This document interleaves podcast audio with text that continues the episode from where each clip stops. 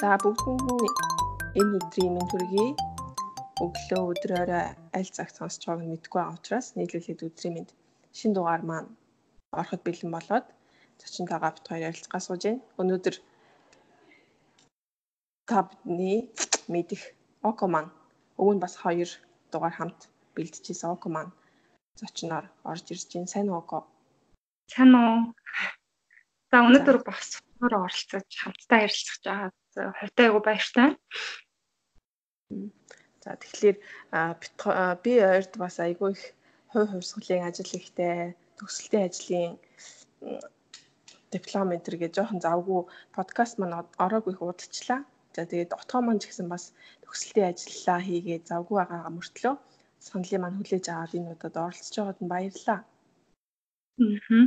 Нөгөө voice ханал байсан учраас бас татгалзаж чадсангүй. Тэгээ өөрт мэж энэ сэдвийн талаар ярьж байгаа нэг сонирхолтой байна. За тэгэхээр хоёул ямар сэдвийн талаар ярилцж байгаа чи тайлбарлаж өгөх үү? За тэгэхээр бид хоёр өнөөдөр бүтээл сэтгэлгээний талаар ярилцсан. Сүүлийн үед бол нилээдгүй хүчээ авч хүн болгоны ярьж байгаа нэг сэдв гэж байна. Тийм тэгэхээр бас бүтээл сэтгэлгээ гэдэг бид хоёр ч өөртөө бас жишээлбэл урлагийн хүмүүс ч юм уу биш. Гэхдээ яг хүмүүсийн ойлгож байгаагаар те таашаа ойлголтоор бол урлагийнхан, хөгжмийнхан те зохион бүтээгч гэдэг хүмүүстлийн зохион бүтээх, сэтгэн бодох сэтгэхүйтэй холбоотой creativity гэдэг чанар байдаг гэсэн юм баруун ойлголттой байдаг. Гэтэ хүн болгонд байдаг гэдэг те. Тэгээ түүнийг яаж хөгжүүлэх юм бэ гэдэг талаас нь бид хоёр өнөөдөр ярихаар бэлдээд байна. За, онлын үднээс нь за яг сэтгэл судлалын шинжилгээ ухаанд бол нэлийн сүүлд орж ирсэн ойлголт гэж үзээд байгаа тийм 1950-ад оноос эхлээд шинэ ойлголт. За тэгээд энэ хүү шинэ ойлголтыг сэтгэл судлал яаж үзсэн бэ гэдгээр нь ого тайлбарлах уу? За тийм. За. За нэг бүтээл сэтгэлгээ гээд бүжлэгээ ярьсан шиг энэ нэр томьёонд ороод 1950-ад оноос эхлээд бол яг ингээд эрдэмтэд болон бусад сэтгэл судлаач нар, философч нар судлаад энэ бүтээл сэтгэлгээ гэдэг нэр томьёог төвшүүлээд олон тооны судалгаанууд хийж ирсэн. Мэдээж хэрэг түүхэнд бол эртнээсээ эртний философч гэсэн энэ бүтээл сэтгэлгээний ашиг тусын талаар маш олон тийм онол философод хөвшүүлж исэн. Гэхдээ яг энэ нэр томьёо томьёо хэллэг нь бол ингээд 1950 оноос өдийг хүртэл маш юм эрчтэй хүчтэй эрч хүчээ авч байгаа шүү гэж хэлхийг хүсэж байна. Тэгэхээр бүтээл сэтгэлгээ гэдэг нь өөрөөр хэлэх юм бол юу гэж тайлбарлаж байгаа юм бэ гэхээр юмд бүтээлчээр хандна гэдэг нь магадгүй сая бүжлэгийн хэлсэн чиг урлаг уран сайхан инженер технологийн ажилчид цоо шинээр юмыг бүтээхтэй холбож хүмүүс их ойлгодог. Гэхдээ яг онлынхаа хувьд а цоо шин юм зохион бүтээх гэдгийг гэдэгтээ илүүтэй бишээр яг энэ байгаа юмнууд дээр шин санаа олох гэж байгаа хэлээд байгаа хэрэг. Жишээлх юм бол ундаг дугуй гэдэг зүйл байсан. А ундаг дугуй гэдгийг хүн болго мэддэг. Энэ зүйл зохиогдсон. Энэ зүйлийг хүн болго хэрэгэлдэг. А гэтэл магадгүй түүнийг яаж төвшилтэд болгож болох юм.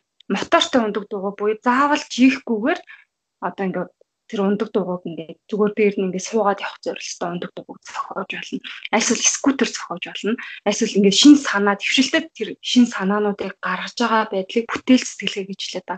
Өөрөөр хэлэх юм бол өмнө нь хэнийг ч олж мдээгүй хүмүүсийн хооронд нь холбоогүй тэр хоёр цэгийг олоод яаж холбож болох вэ? Нийлүүлээд ямар шин санаа, шин технологи, одоо шин бүтээл, шин зүйл болж болох вэ гэдэг тэр хоёр санааг нийлүүлж байгаа хоёр буюу түүнээс дэшээ хүмүүсийн өмнө нь холбоогүй тэр зүйлсийг нийлүүл чинээр авч үзэж ингэж гаргаж ирж торшиж түүнийгээ ингээд нийгэм хэрэгжилж байгаа энэ байдлыг шин санаа бүтээл буюу бүтээл сэтгэлгээ гэж нэрлэдэг байгаа.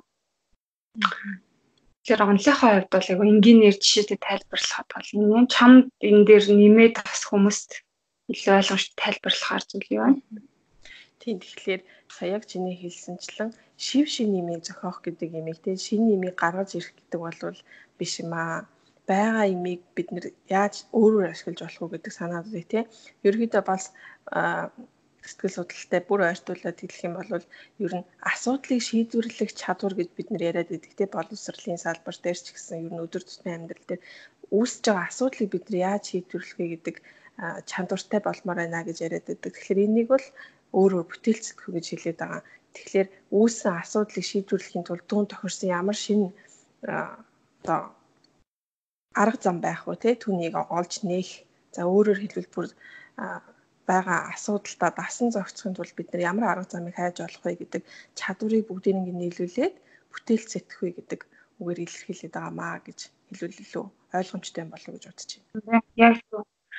Аа яга 50 оноос эхлээд өдөө хүртэл бас ингээд ийм бүтээл сэтгэлгээний талаар ингэж их ярьж байгаа. Яг сажны хэлсэн шиг өөрөөр хэлэх юм бол хурцтай өсөнд ихсэж байгаа дэлхийн ертөнцид хүний хэрэгцээ бол ингээд хязгаарлалшгүй. Тэгээд энэ хэрэгцээнүүд өсөөд нийгэмдэр маш олон асуудлууд гарч эхэлж байгаа. Тэгэхээр яг тэр асуудлуудыг шийдвэрлэх арга технологи, шин санааг бий болгож бүтээлчээр хандж байгаа бүтээл сэтгэлгээг ингэж давмгай ашиглаж чадж байгаа хүмүүс өнөөдөр илүү амжилттай тий а бизнесээ өргөжүүлэн авч явах ажил амьдралдаа хэрэгжүүлэх тал дээр бол ингээд илүү ахиц дэвшилтэй байгаа учраас өнөөдрийн хүн төрөлхтний өнөөдрийн байгаа хүмүүсийн бас нэг эзэмшүүл зохиох, дээшлүүлүүл зохиох, хөгжүүлүүл зохиох шаардлагатай чадваруудын нэг нь бүтээл сэтгэлгээ алтшгүй болчиход байгаа маа. За тэгээд энэ чинь нэг энэ дээр бүтээл сэтгэлгээ гэдэг дээр бүтээл сэтгэлгээг бас дөрвөн ангилж үздэг юм 4C гэсэн онл байд юм байна. За эхнийх нь болохоор мини C буюу одоо бидний хувийн амьдралтай холбоотой хувийн утга чанартай зүйлс гэдэг. Жишээлбэл шин зүйлийг нээх гэдэг утгаар биш учраас амар энгийнээр ойлгоход мини C гэдэг нь бол юу гэлдэг вэ гэхээр бид нар өдөр тутмынхаа амьдралд өөрийнхөө хувийн орон зайд өдрийн тэмдэглэл бичдэг ч байдаг юм уу те одоо өдөр болгоныхаа ажлыг төлөвлөдөг а цагийн хуваар хийдэг мэтчлээ эдгээс нь бүгдээрээ бас бүтээлч байдлын төрөл гэж явдаг.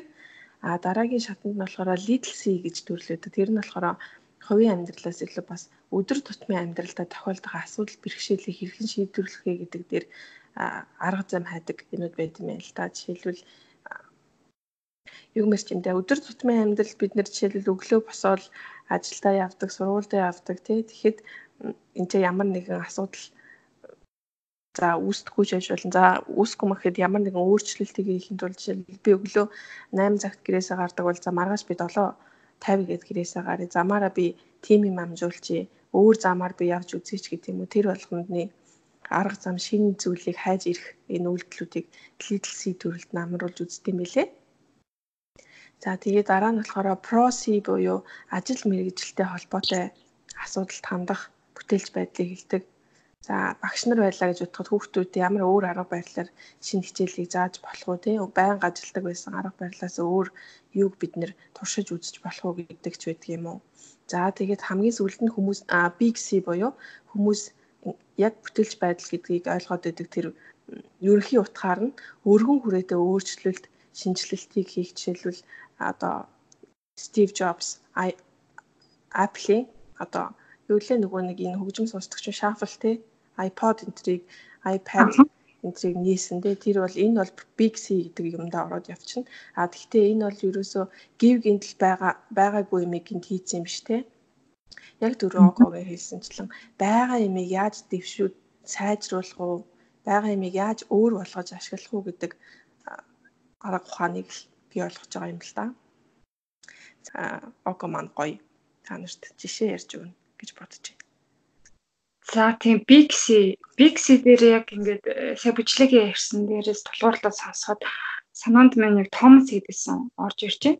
Өнөөдрийн одоо бид аж амьдралтай хэрэгжилж байгаа гэрлийн лампыг зохиосон байгаа тий. Тэгэхээр Эдисон энэ дээр болохоор энэ бүтээл сэтгэлгээний олон ийм жишээ, кейс, эрдэм шинжилгээний илтгэлүүд дээр бол Эдисон нэр ялцчихгүй явдаг жишээ татад бүтээл сэтгэлгээг хүмүүс одоо яаж амьдралтаа ашигладаг юм бэ? Өөрөөр хэлэх юм бол ингээд бодоол шууд ингээд бүтээлч олчих тий бүтээлчээр хийчихье гэж ингэж чаддаггүй. А гэтэл Эдисон болохоор энэ бүтээл сэтгэлгээг хэрхэн өөрийнхөө нээлт зохиол бүтээлтэнд ашиглаж ирсэн бэ гэхээр магадгүй тэр нөгөө нэг цахилгааны шийдлийн гэрлийн лампыг зохиохдоо маш олон тааны туршилт хийжсэн бол хүмүүс мэдж байгаа. А энэ туршилтуудыг хийж явах явцдаа Эдисон нэг арга ашигладаг гэсэн нэ. Тэр арга нь ямар байсан бэ гэхлээр а мууран унталт гэдэг ийм аа ашигладаг байсан гэж байна. А мууран унталт гэдэг нь яадаг вэ гэхлээр одоо яг ингээд нөгөө нэг э, ажиллаа хийж агаад зохион бүтээлтүүд нь болохгүй ч юм уу туршилтууд нь бүтлэхүү болсон үед дээр 30 хүртэлх минут унтдаг байсан юм. Тэгж унтахтаа болохоор яаж унтдаг вэ гэхээр ингээд хүмүүс хэвтэйгээр унтдаггүй хүмүүс шиг ингээд хэвтэйгээр унтдаггүй хэрвээ ингээд хэвтэйгээр унтах юм бол хүн гүн нойронд автаад а шууд ингээд нам унтчихдаг. Тэгэхээр эдис муурын унталт хийдэг байсан юм. Тэгэхээр сандал дээр суугаад төмөр сандал дээр суугаад унтдаг байсан. Тэгээд ойролцоогоор 20-30 минутын дараа автомат дээр тэр сандал нь хөдөлж бинд нь юм гинтийн цочрол очруулаад сэрэх юм зорилттой буюу яг зүүдэлж эхлэх төдийдөө эдис нь сэрчдэг байсан. Тэгээ зүүдэлж эхлэх төдийдөө тэрэнгүүтээ хажуудаа яг ингээд унтахтаа ширээн дээрээ цаас болон балаа тавьчдаг гэсэн. Тэгээд дүнгиж сэрснийхаа дараа орж ирсэн санаануудаа бичдэг байсан юм. Өөрөөр хэлэх юм бол одоо тэр нөгөө нэг бодит амьдрал дээр ухамсартайгаар бодож байгаа тэр олон тооны бодол туршилтуудаа унтаж буюу ухамсаргүй те одоо зүуд дээрээ дамжуулан тэтгээрийнхаа шийдлийг олж чадна гэж одоо итгэдэг байсан байна. Тэгснээрээ болохоор энэ богино хугацааны унталт буюу ирэм нойрноос өмнө аахгүй. Яг дөнгөж зүуд эхлэх төдий буюу тэр мөч дээрээ ингээд сэрнэ. Сэрснийхаа дараа 20 секундын дотор ерөөсөө яг ингээ юу болсон тэр бодол санаа, юу мэдрэгдэж байгаа, юу зүудэлсэн, плант нь орж иж байгаа бүх зүйлийг бичдэг байсан байна. Ингиж бичиж болохоор энэ ажил амьдралтаа өөрийнхөө бүтээлч энэ байдлаар энийг ашигладаг байсан байна. Тэгээд энэ зүүдэндээ бол ингээд энэ гэрлийн лампа зохиосон үргэлжлүүлээд одоо яг энэ судалгаануудаа туршилтуудаа ингээ хийдэг байсан. Тэгэд ингээ ажлыг нь бүтээмжтэй, бүтээлтэй энэ бүтээлч байдалд нь бол энэ богино хугацааны зүүд буюу муурын унталт маш их тусалдаг байсан гэж бол хэлсэн байсан. Тэгээд яг энэ бүтээлч чадвартайгаар холбоотойгоор бол энийг ярихад бол ингээд олон төрлийн бол энэ арга техникүүд идэг. Эдгээрийн болохоор нэг нь энэ муурын унталт буюу хүмүүс ингээд төр хугацаанд унтах унтаад тэгээд ингээ гинтийн сочдлаас сэрээс ирснийхаа 20 секундын дотор шууд ингээ юм уу бичих юм бол одоо тэр яг бодож исэн таны ажил буюу шин санаа, шин бүтээлүүд нь илүү тэр одоо өөр төвшөнд ухамсаргүй төвшөнд тэгэж нөгөө холбоо одоо тархин доторх нейронуудын холбоо мэдээллээр ингэж баяжиж өргөждөг байх нэ гэж ингэж гаргасан байсан. Тэгээ энэ дээрээс бол Эдисоноос олон ингээд Элон Маск гэдэг одоо үед ингээд гарч байгаа олон жишээнүүд бол ясаа энэ зүүд юм уу те ингээд зүүдэндээ илүү юмд бүтээлчээр ханддаг зүүдээ тэгээд амжиж ингээд олон тооны нээлтүүд хийсэн юм тохиолдлууд бол байдаг. Аа одоо үеийнх нь бол ингээд Elon Musk болоод ингээд явчих шүү байна. Тийм байна. Тэгэхээр сая Томас Эдисоны жишээ бол бүтээл сэтгэлгээнээс гадна юмд тууштай байх гэдэг зан чанарын талаар бас жишээ олгож авч болохоор төгсөн. Тийм яг үнэ мянган удаа алдаа гаргасан гэж би уншиж байсан санагдаж байна. Тэгээ ерөөсөн өдөр энэ 30 минутын унталтанд бол хит хит удаа ордог гэсэн гэж байгаа юм. Тэгэж өөрийгөө зориулж ингэж дахин тавтаж ингэж хөдөлмөр гаргаж хийсэн. Тэгээд энэ бүтээл сэтгэлгээнд байх хэвээр бас нэг чадварууд гэж байгаа тий.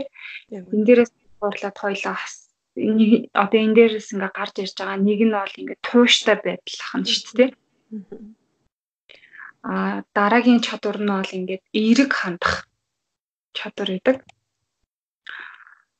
А өөрөөр хэлэх юм бол Эдисон бол яг яасан бэ гэхээр Эдисоны жишээн дээр дахиад авахд Одоо ингээд ямар ч одоо тэр хүмүүс хүрээлэн боо орчин юу хүч чийлж исэн өөрийнхөө тэр зохиол бүтээл хийн, шин бүтээл зохион гэдэг бол ингээд ихтэй байсан.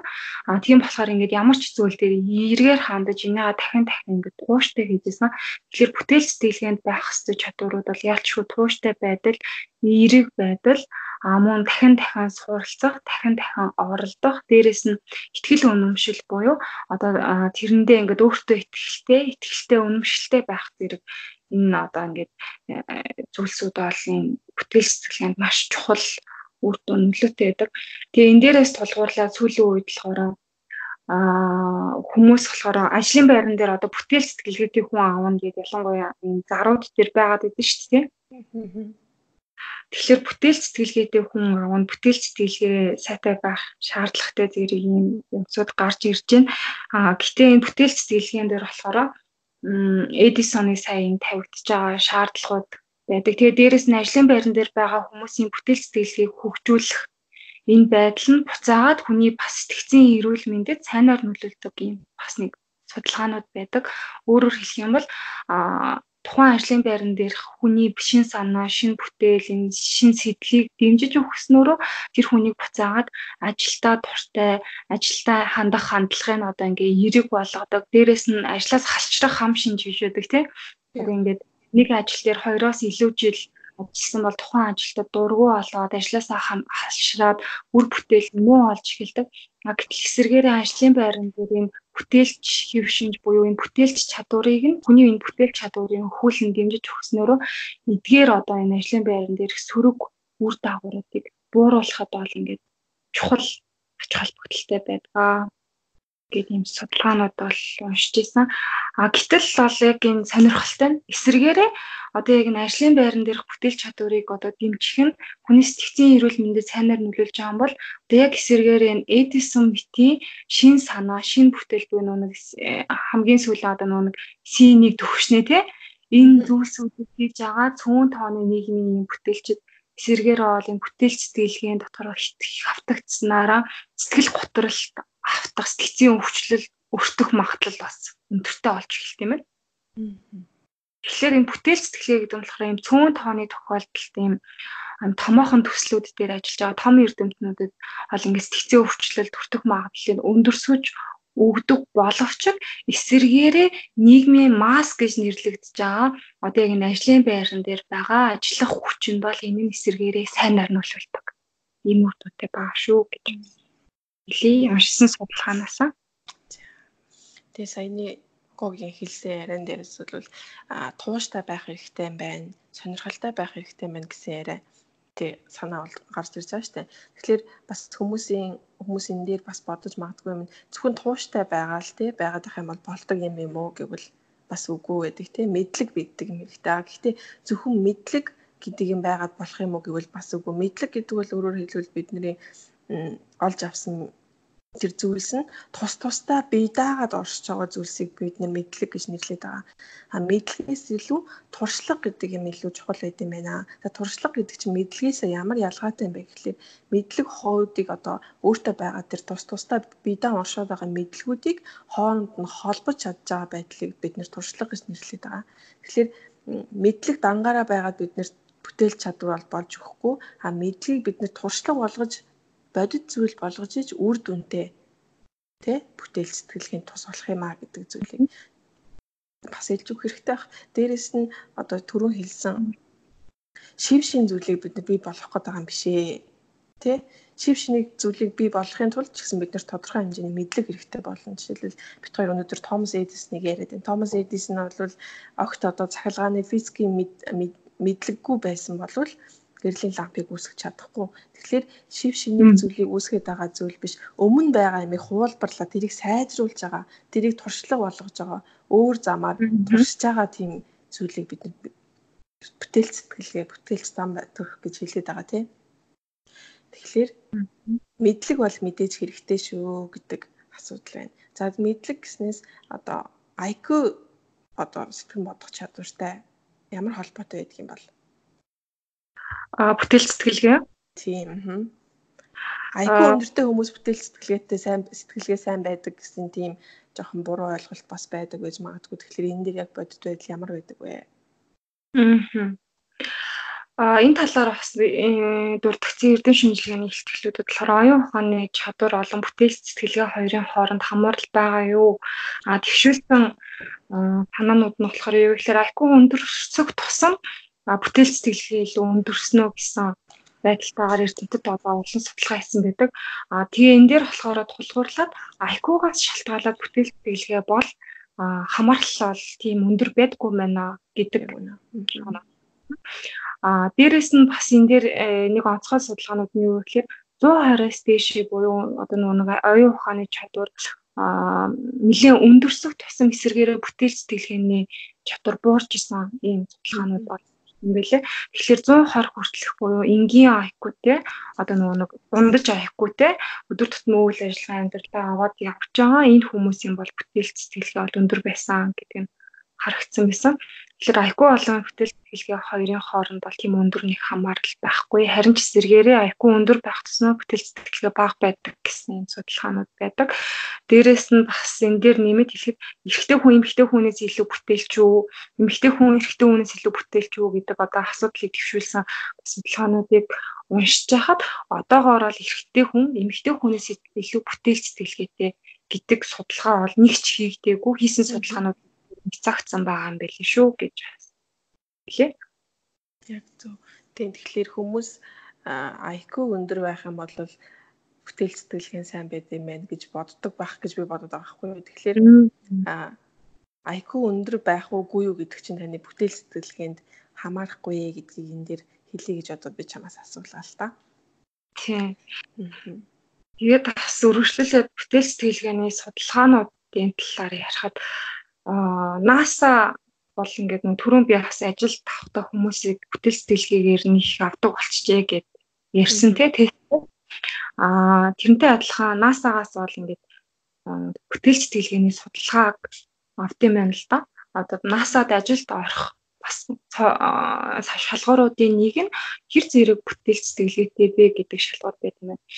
Тэгээд миний бас нэг уншсан судалгаанаас харахад 280 мянган хүн дээр бүтээл сэтгэлгээний тест хийж судалгаа хийсэн юм байна. 30 30 настай. Дундаж нас 30 настай ажил байрлаж байгаа болно. Одоо энэ ажил хийж байгаа хүмүүсийн бүтээл сэтгэлгээний тестлээд үүсгэхэд ерөөсөө тэр тестнийх нь одоо тэр үр дүнгээр нь 2% нь л бүтээл сэтгэлгээтэй гарсан байна. Өөрөөр хэлэх юм бол бүтээл сэтгэлгээний аа үзүүлэлт нь өндөр гарсан гэсэн үг. Тэгээд NASA-гийн эрдэмтэд бол тэр хүмүүсийн насыг нь багасгаж авсан талхан дээр. За 30 хүртэлх насны хүмүүс дээр ерөөсөө оролцогчдын 2% нь л бүтээл сэтгэлгээний одоо энэ үзүүлэлт нь өндөр гарч байгаа юм бол а 15 хүртэлх настай хүүхдүүд дээр авч үзье гэд 15 настай хүүхдүүд дээр тухайн судалгаагаа авч үзсэн. А гэтэл судалгааных нь үр дүн нь болохоор тийм Тэгмээргүй өндөр гарсан. 15 настай хүүхдүүд дээр туршилтаа энэ судалгаа хийж үзэхэд 15 настай хүүхдүүдийн нийт хүүхдүүдийн 12% нь бүтээл сэтгэлгээ нь өндөр гарч ирсэн. А тэр насаа дахиад доотлуулад 10 настай хүүхдүүд дээр бүтээл сэтгэлгээний судалгаагаа авч үзэхэд 10 настай хүүхдүүдийн нийт оролцсон хүүхдүүдийн 30% нь бүтээл сэтгэлгээний тестэнд өндөр үр дүн үзүүлсэн. Дахиад үр дүнгээ шалгахын тулд дахиад 5 жилээр бууруулсан. Өөрөөр хэлэх юм бол 5 настай хүүхдүүд дээр тухайн тест ажилласан юм байна л да.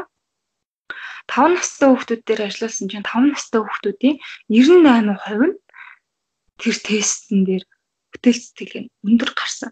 Тэгээ энэ дээрээс үндэслээ ямар зүйл төвшүүлсэн бэ гэхээр бүтээл сэтгэлгээ бол угаасаа бид нар төрлөхөөсөө хүн болгонд өгөгддөг юм сэтгэлгээ, хүн болгонд өгөгддөг юм чадвар юм байна.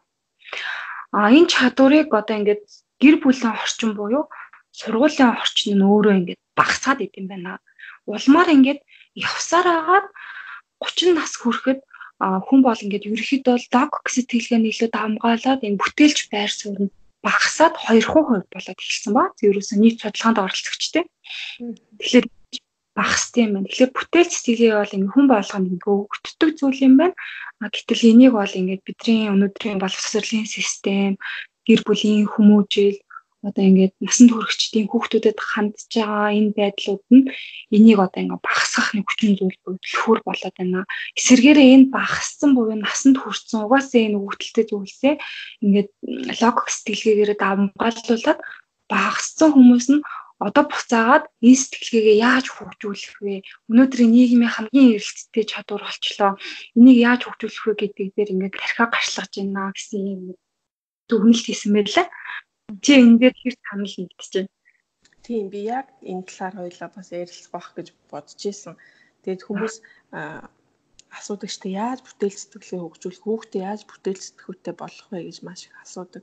Тэгэхээр яг миний бодож исэн юм чи хэлчлээ. Тэгээд тэгэхээр хүмүүс аав ээжүүд бидний амьдарч байгаа орчин энэ боловсролын систем өөрөө бидний бүтээл сэтгэхүйг бас үгүй хийгээд юм байна бид бүгдээрээ одоо 8 талстай 6 талстай бүтээгдэхүүнтэй төрсэн байхад ингээд энэ аав ээжийн хүмүүжил боловсролын систем бидний бөөнхий ол гэд бөөнхий олгоод байд юм байна тий.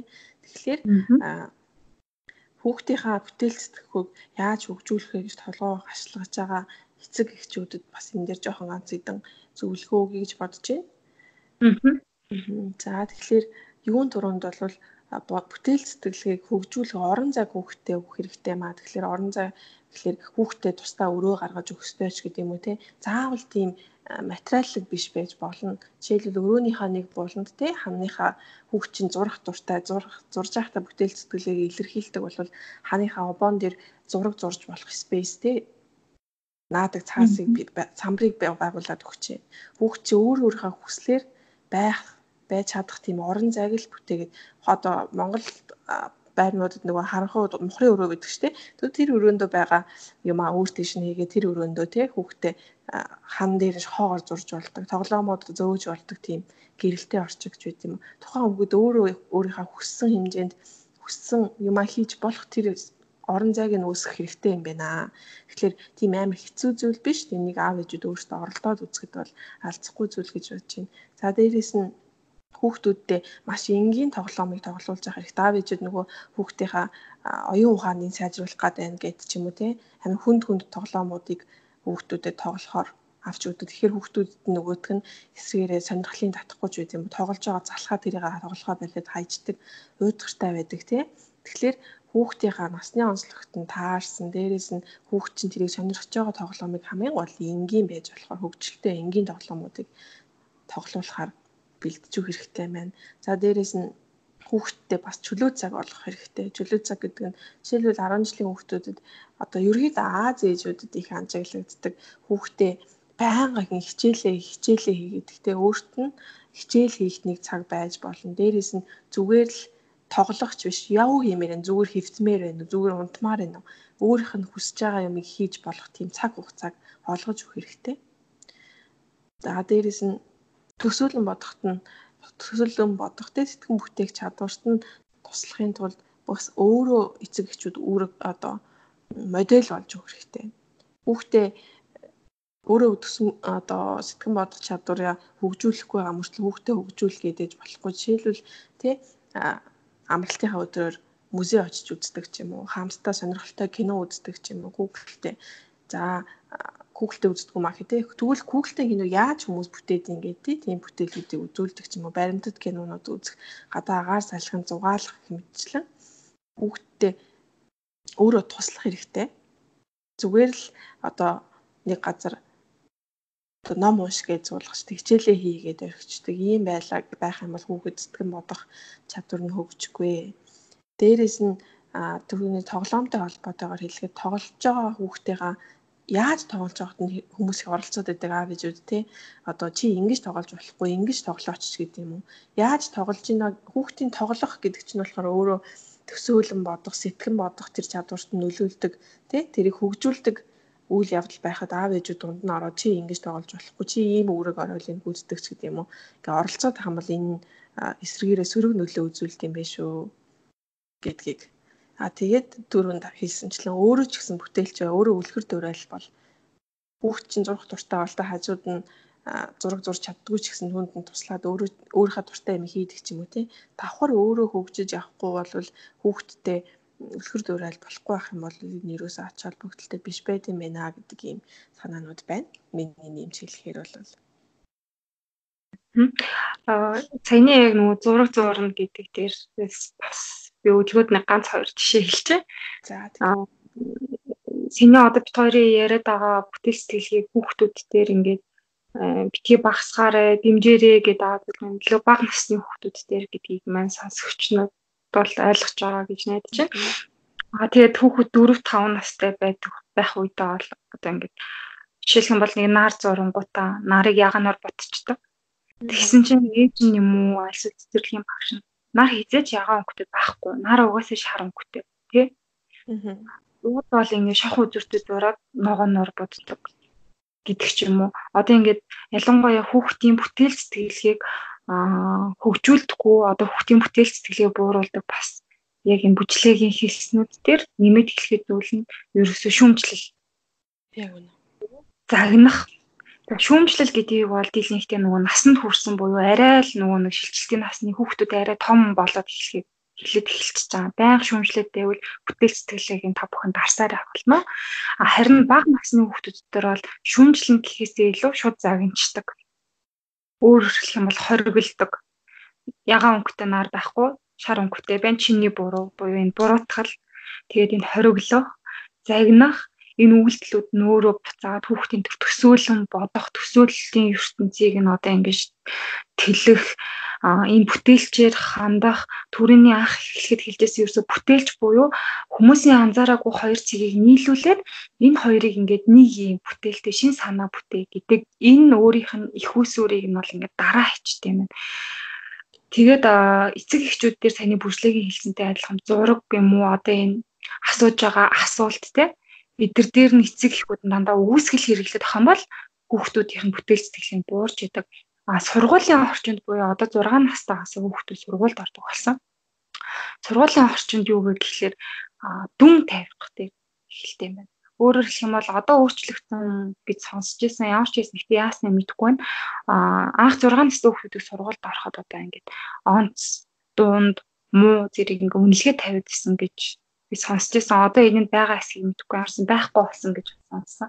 А гэтэл 6-аас 8 нас буюу одоо ерөөсөө яг энэ хүүхдүүдийн бүтээл сэтгэлгээ буюу төсөөллийн одоо хүний хувь хүний одоо хөгжлийн үйлчлэлээр төсөөлөл буюу энийг ургуулсан боддог юм болгоны яагаад гэдэг асуулт асуудаг одоо энийгээ батжуулдаг энэ үе дээр нь одоо ингээд хүүхдийг зурсан зургийг үнэлэх альсэл бичсэн бичгийг үнэлэх тий эдгээр нь чи муу байна ингэж хийж болохгүй энд буруу байна чи муу дүн авлаа гэдэг одоо энэ дүн буюу одоо энэ багш нарын боловсролын системийн гаргаж байгаа байдал нь буцаагаад хүүхдүүдийн бүтээлч буюу чөлөөтэй нээлттэй ургуулan бодох юм шинэлэг хандах шин санаа гаргах техникүүд ингээд дарж өгч идэг зүйлс байт юм байна. Тийм ч учраас одоо энэ Европын орнууд болон Америк Америкт бол дөнгөж сургуульд орсон хүүхэд ялангуяа эхний 2 жил, эхний 3 жил бол хүүхдийг үнэлгээгээр үнэлдэхгүй.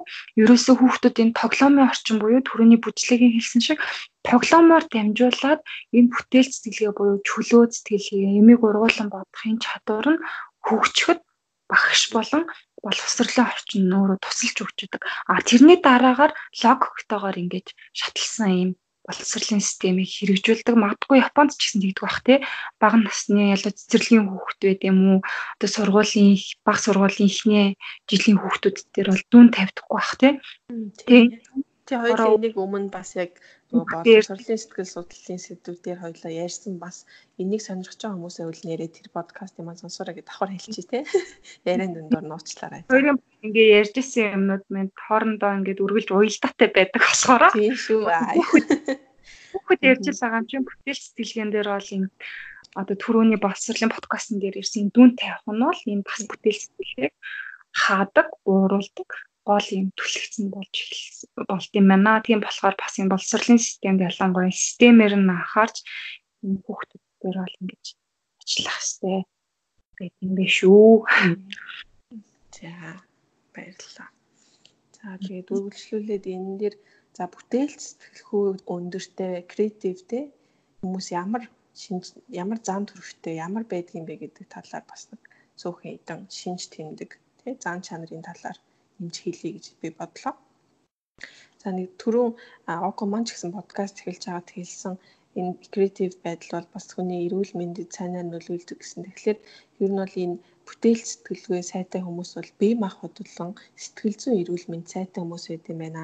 Өөрөөр хэлэх юм бол одоо урт хугацаанд ажиллах чадвар сайтай. За гэхдээ урт хугацаанд ажиллах чадвар гэхэлэр workaholic ч байд юм уу эсвэл бүр маниак ч юм уу тийм биш. Зүгээр анхаарал төвлөрүүлээд нэг юмыг удаан ажиллах чадвартай. За түрүүн Томс Эдисон дээр хэлжсэн шиг тууштай байх чадвартай хүмүүс үт юм сэтгэл зүйн эрүүл мэндийн хувьд тий.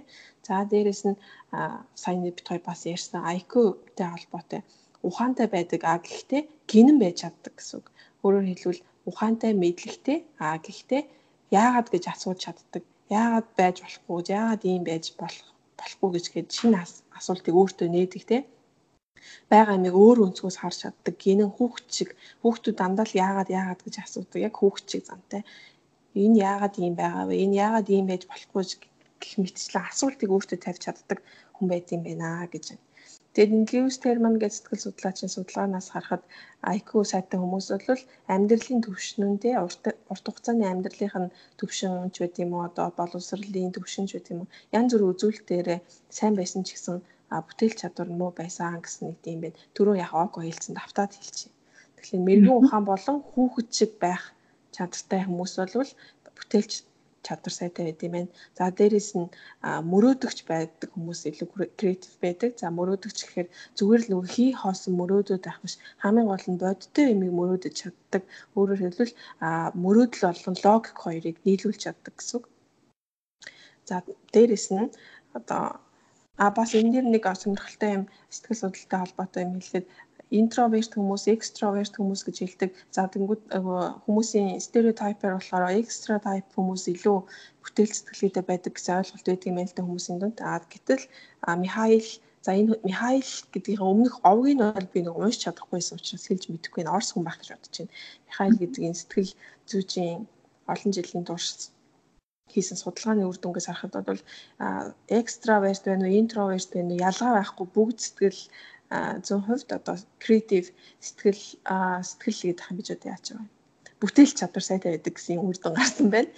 За дээрэс нь бүтээлч хүмүүс өөртөө бахархалтай ханддаг. А гэхдээ онгороо биш байдаг. Өөрийнхөө хийсэн үйлдэл гаргасан шийдвэртээ өөрөөдөө ихтгэлтэй бахархдаг түндэ. А гэхдээ түүнийга бусдад гайхуулдаг ч юм уу. Би ингэсэн штэ, би ийм хүн штэ гэж бусдад онгордоггүй ийм хүмүүс байдаг юм байна.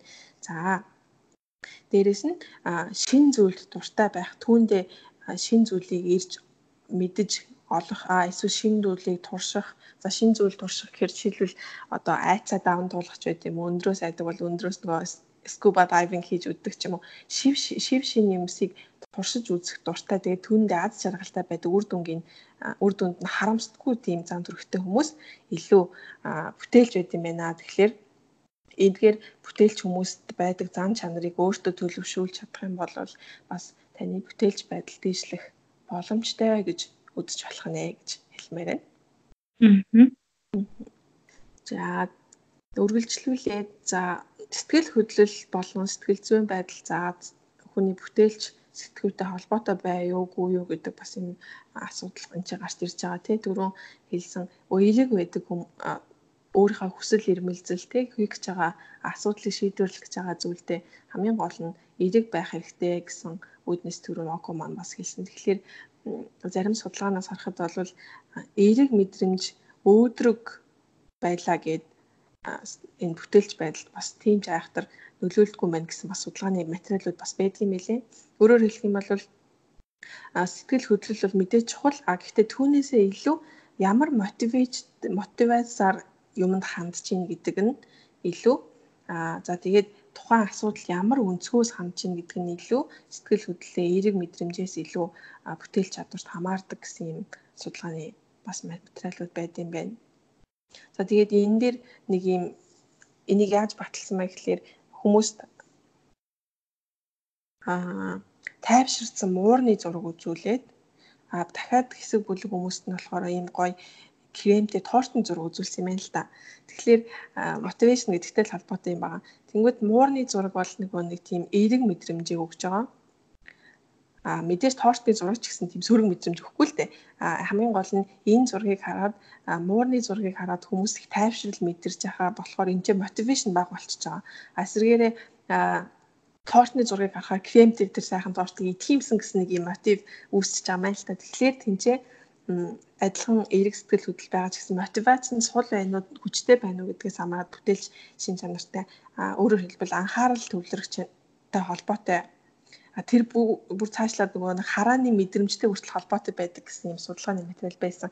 Тэр энэ зүг хэлэх гээд байна гэхэлэр мотивац чинь өндөр байх юм бол анхаарал чинь илүү сайн төвлөрнө. Мотивац чинь арай сул байх юм бол харах өнцөг чинь арай өөр өргөснө гэхэлэр тэгэхээр мотивац чинь заавал өндөр байх ёсгүй ч гэсэн альч мотивац бага байна уу их байна уу ялгаагүй хэрэгтэй а гэхдээ илүү мотивац нь өндөр байснаар анхаарал төвлөрөх тухайн асуудлыг шийдвэрлэхэд шүүчүүд гэрээ за юу гэж хэлдэг лээ.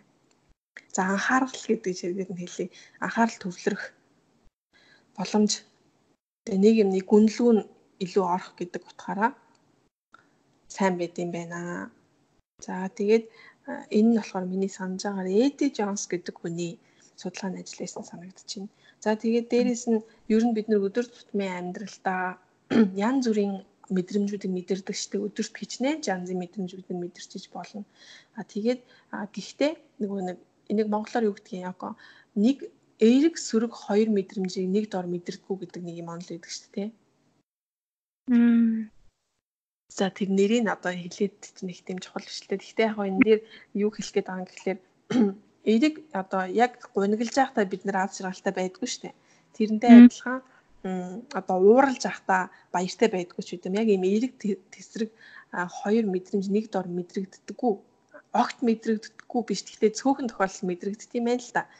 Тэгэхээр ийм эерэг сөрөг хоёр сэтгэл хөдлөл нэг дор мэдрэх нь илүү хүнийг бүтээл сэтгэлхүйд сэтгэхүйд нөлөөлдөг гэж ийм судалгааны материал гарсан байна.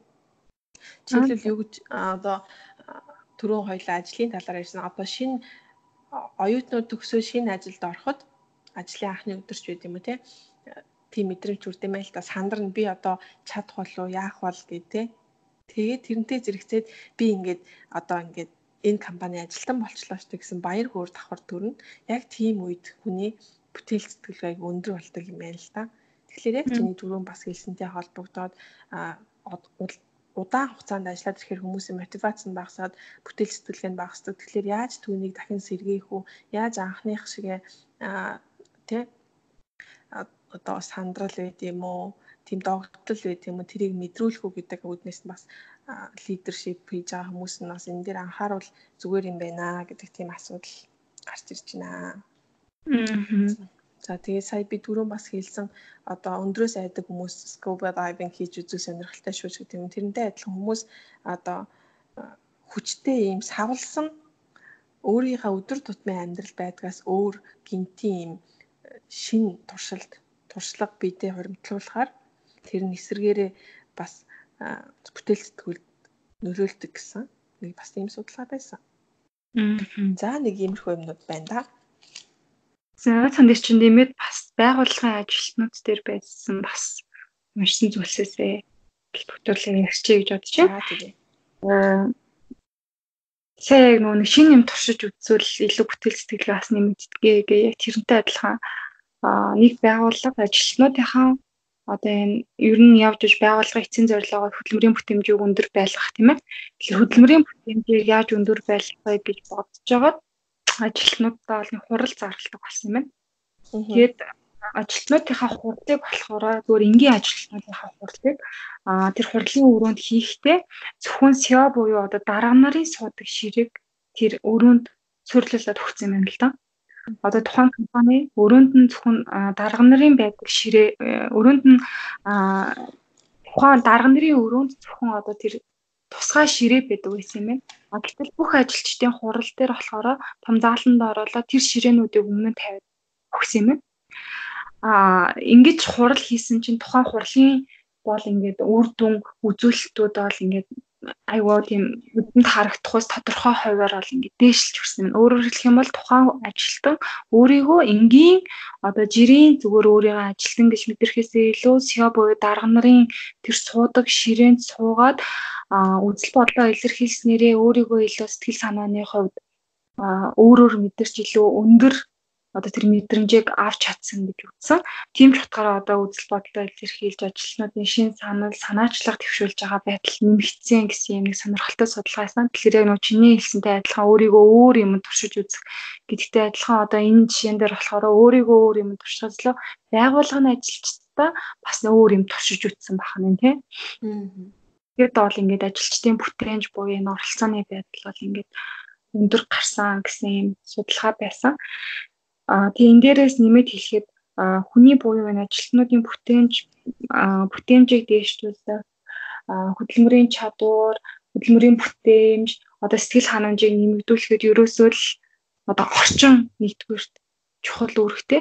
Хоёрдугаарт тухайн хүмүүсийг сонсох буюу шүүмжлэхгүйгээр таасдах гэдэг нь бол ингээд хамгийн нөлөөтэй аргуудын нэг байдаг. Тэгээ үүнээс бас ингээд гарч ирж байгаа бизнес эрхлэгчид энтерпренер хүмүүсийн хувьд болохоор одоо энэ чөлөө сэтгэлгээ, бүтээл сэтгэлгээг дэмжих энэ ярилцлагын аргуудыг бол ингээд олноор хэрэгэлдэг байгаа. Тэр нь бол ингээд а тэг байгууллага дээр бол яг энэ шинээр бизнес эрхэлж байгаа entrepreneurship хүмүүс бол энэ brainstorm одоо бол монголоор бол тархины шуурга гэж хэлээд байгаа энэ аргууд хэрэгжүүлдэг.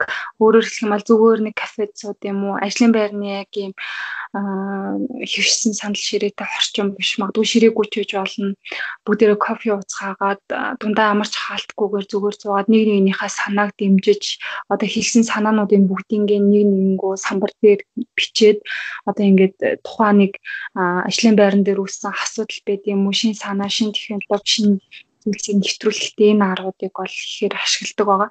Тэгээд энийг бол одоо бизнес эрхлэгчид ялангуяа ажил хийдэг хүмүүс бол нэлээд мэддэг баг. Аа гэхдээ энэ арга дээр бол ингээд заримдаа Монгол хэрэгжүүлээд байгаа тэр компани дээр хэрэгжүүлээд идэв юм лээ. Гэхдээ болохоор ингээд бөөнөрөө гучуулаад төчүүлээд суугаад яг энэ ингээд хүмүүлганы саналыг сонсоод ингэж яагаад энэ нь болохоор төдийлөн үр дүнтэй биш брейнстормыг бол ерөөхдөө 5-аас 7 хүнтэй бүлэгдэл хийдэг Ингэснээрээ тухайн хүмүүс санаагаа бүрэн дүүрэн тэгшүүлж чаддаг. Энэ дундаас хамгийн зөв, хамгийн алдтай олон хүний тэмцэн санааг тэгшүүлээд ингэж гаргаж олдог. Тэгээ орчин нь бол ингэж чөлөөтэй, нээлттэй ийм орчин байдаг. Орчин гэдэг дээрээс тулгуурлаад хэлэхэд одоо сүүлийн үеийн за ялангуяа нэг гарах Google ч байд юм уу одоо энэ твшилтэй технологийн компаниуд дээр нөгөө нэг орчин яаж бүрдүүлдэг болсон талаар ингээ хүмүүс өндөө сонсож байгаа ах тий. Хүмүүсийн бүтээл сэтгэлгээг одоо шин санааг дэмжих хөтөлмөрийн бүтээмжийг сайжруулахад бол ингээ орчин чухал гээд хөвтөд ажиллаа хийдэг байд юм уу? Альсвал ингээ ажлын байранд тэр чигээр нов ногоон болсон байгаль дээр ажиллаад байгаа юм биш хүссэн үедээ очиод унтаад болдог ч юм уу тий. Одоо ингээ яг хүмүүсийн нөгөө хөвшмөл мэддэг яг ийм ажлын байрны офисын орчноос илүүтэй яг гэртээ байгаа юм шиг хүнийг ажилуулснараа хүнээс шин санаа бүтээл буюу одоо энэ бүтээлч чадвар илүү их гарч хөдөлмөрийн бүтээмжид сайнаар нөлөөлт юм байна гэдгийг судалгаан дээр тулгуурлаад мэдээд сүүлийн үеийн одоо энэ томоохон компаниуд Facebook байна, Google байна. Ялангуяа би Google-ийн жишээг сайн мэддэг тийм. Эдгээр компаниуд бол та ийм аргуудыг ашиглаж хэрэгжилж байгаа. Тэгээ Монголд ч гэсэн бас энэ сүүлийн үеийн бизнес эрхэлж байгаа хүмүүсийн боловчуудын офисууд нь бас гой болж байгаа юм билэ. За тэгээ хоёр өнөөдөр бага насны хүүхдүүдийн сэтгэл бүтээл сэтгүүгээс авахуулаад бүр байгууллагын сэтгэл зүйнд яаж бүтээл сэтгүүг хөгжүүлэх үү гэдэг хүртэл ихэ өргөн хүрээнд ярьлаа гэж бодож байна. Одоо хоёлоо энэ түрээд өндөрлөх шүү ярьж хэлмээр нь юу вэ хоёлоо? Өөр байхгүй тоххой. За тэгвэл ингээд нэмэд хэлэх юм байвал байгаад байхгүй. Тийм тэгээд одоо нэмээд юм хэлэхээр хоёулаа бас их сэдвээс ихтгэхийн өргөн хазаах гээд байна би сая одоо brainstorming тэр юм нэмээд хэлчихээр ингээд арай өөр сэдв рүү орчих гээд бас хитрхи сэдвээс хазаад хитрхи уртсчвал бас төвхтэй болов уу гэж бодоод тэгэхээр энэтэй холбоотой дахиад ярмаар байгаа юм хоёулаа дараа дахиж ярьж болох юм гэж бодож байна. За тэгвэл хоёулаа энэ чинь гоё дүгнээд өөр өөртөөхөөроо дүгнээд нэг хэлье те. За зочин. За яг бүртлэгийн хэлдгээр бол бит хоёр өнөдөр бүтээл сэтгэлгээнд тулгуурлаад хүүхдүүд дээр ч жишээ авлаа, оюун ухааны үзүүлэлт IQ дээр ч жишээ авлаа. Хамгийн сүүлд бол энэ байгууллагын ажилтнууд болон энэ бүтээмжийг дээшлүүлэхэд бүтээл сэтгэлгээ ямар байдаг талаар бол ингээд олон төрлийн хүмүүс дээр олон төрлийн сэдв хамарч маш өргөн хүрээнд ярилцлаа гэж бодож байна. Тэгээ магадгүй э, дахиад ярилцвал ярилцаад л байхаар юм гүн агуу том сэдв учраас магадгүй яг энэ талаар байгууллагын ажилтнууд болон орчны талаар илүү яриад өгөөч гэдэг юм уу? Эсвэл энэ талаар өвшөө ямар мэдээлэл байна вэ гэдэг мэдээлэлээ бас бит хоёрт ялангуяа бүжлээд илгээвэл бит хоёр бас энэ талаар илүү дэлгэрэнгүүлээд бүр нөө жижиг хэсэг болгоод салгаад тэр хэсэг дээрээ ингээд дэлгэрэнгүй бас ярьж болно. Тэгээд маш өргөн хүрээтэй олон төрлийн зүйлийг хөндлөө гэж бодож байна. Тийм. Тийм яг Око маань өөрөө байгууллагын сэтгэл зүйн чиглэлээр гүн зэрүүлж сурж байгаа болохоор энэ байгууллагатай холбоотой сэдв дээр бол илүү сайн мэдээлэл өгч чадна гэж бодож байна. Би бол боловсрал талдаа гүнзгийрүүлж байгаа болохоор энэ тал дээр бас жоохон гүнзгийрүүлж ярих гэдэг талтай. За тэгээд ерөөхдөө дүгнэж хэлэхэд бол бүтээл сэтгэлгээ гэдэг юм бол хүн болгонд төрөлхийн байд юм байна. Бид нэр эдгээрийг одоо боловсролын салбараараа аав ээжнэр өөрсдийнхээ хүүхд хүмүүжлийн арга замаар ингээм хооод идэх юм биш үү. Тэгээд айгүй өндөртэй ухаалаг хүмүүс л ганцхан сэтгэн бодох чадвар сайн байдаггүй юм байна. Биднэрт бас энийг оролдоод те өөр өөрсдийнхаараа хичээвэл болох юм байна. За янз бүрийн туршилтуудыг туршлагуудыг өөртөө хоримтлуулж үзэх хэрэгтэй байна.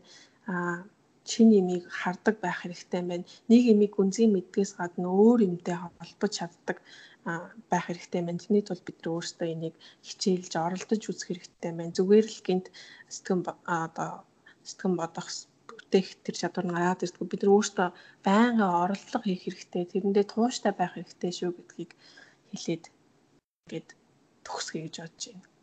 Зөв. За. За, миний зүгээр нэмж хэлэх юм байна? Байх бол хоёлаа ингээд өнөөдөр энэ чинь хүрээд өндөрлөө. За, бит хоёрыг энэ хүртэл сонссонд баярлалаа. Тэгээд багч болтгой бас мэдээлэл өгсөн гэдэгт итгэлтэй байна. Баярлалаа.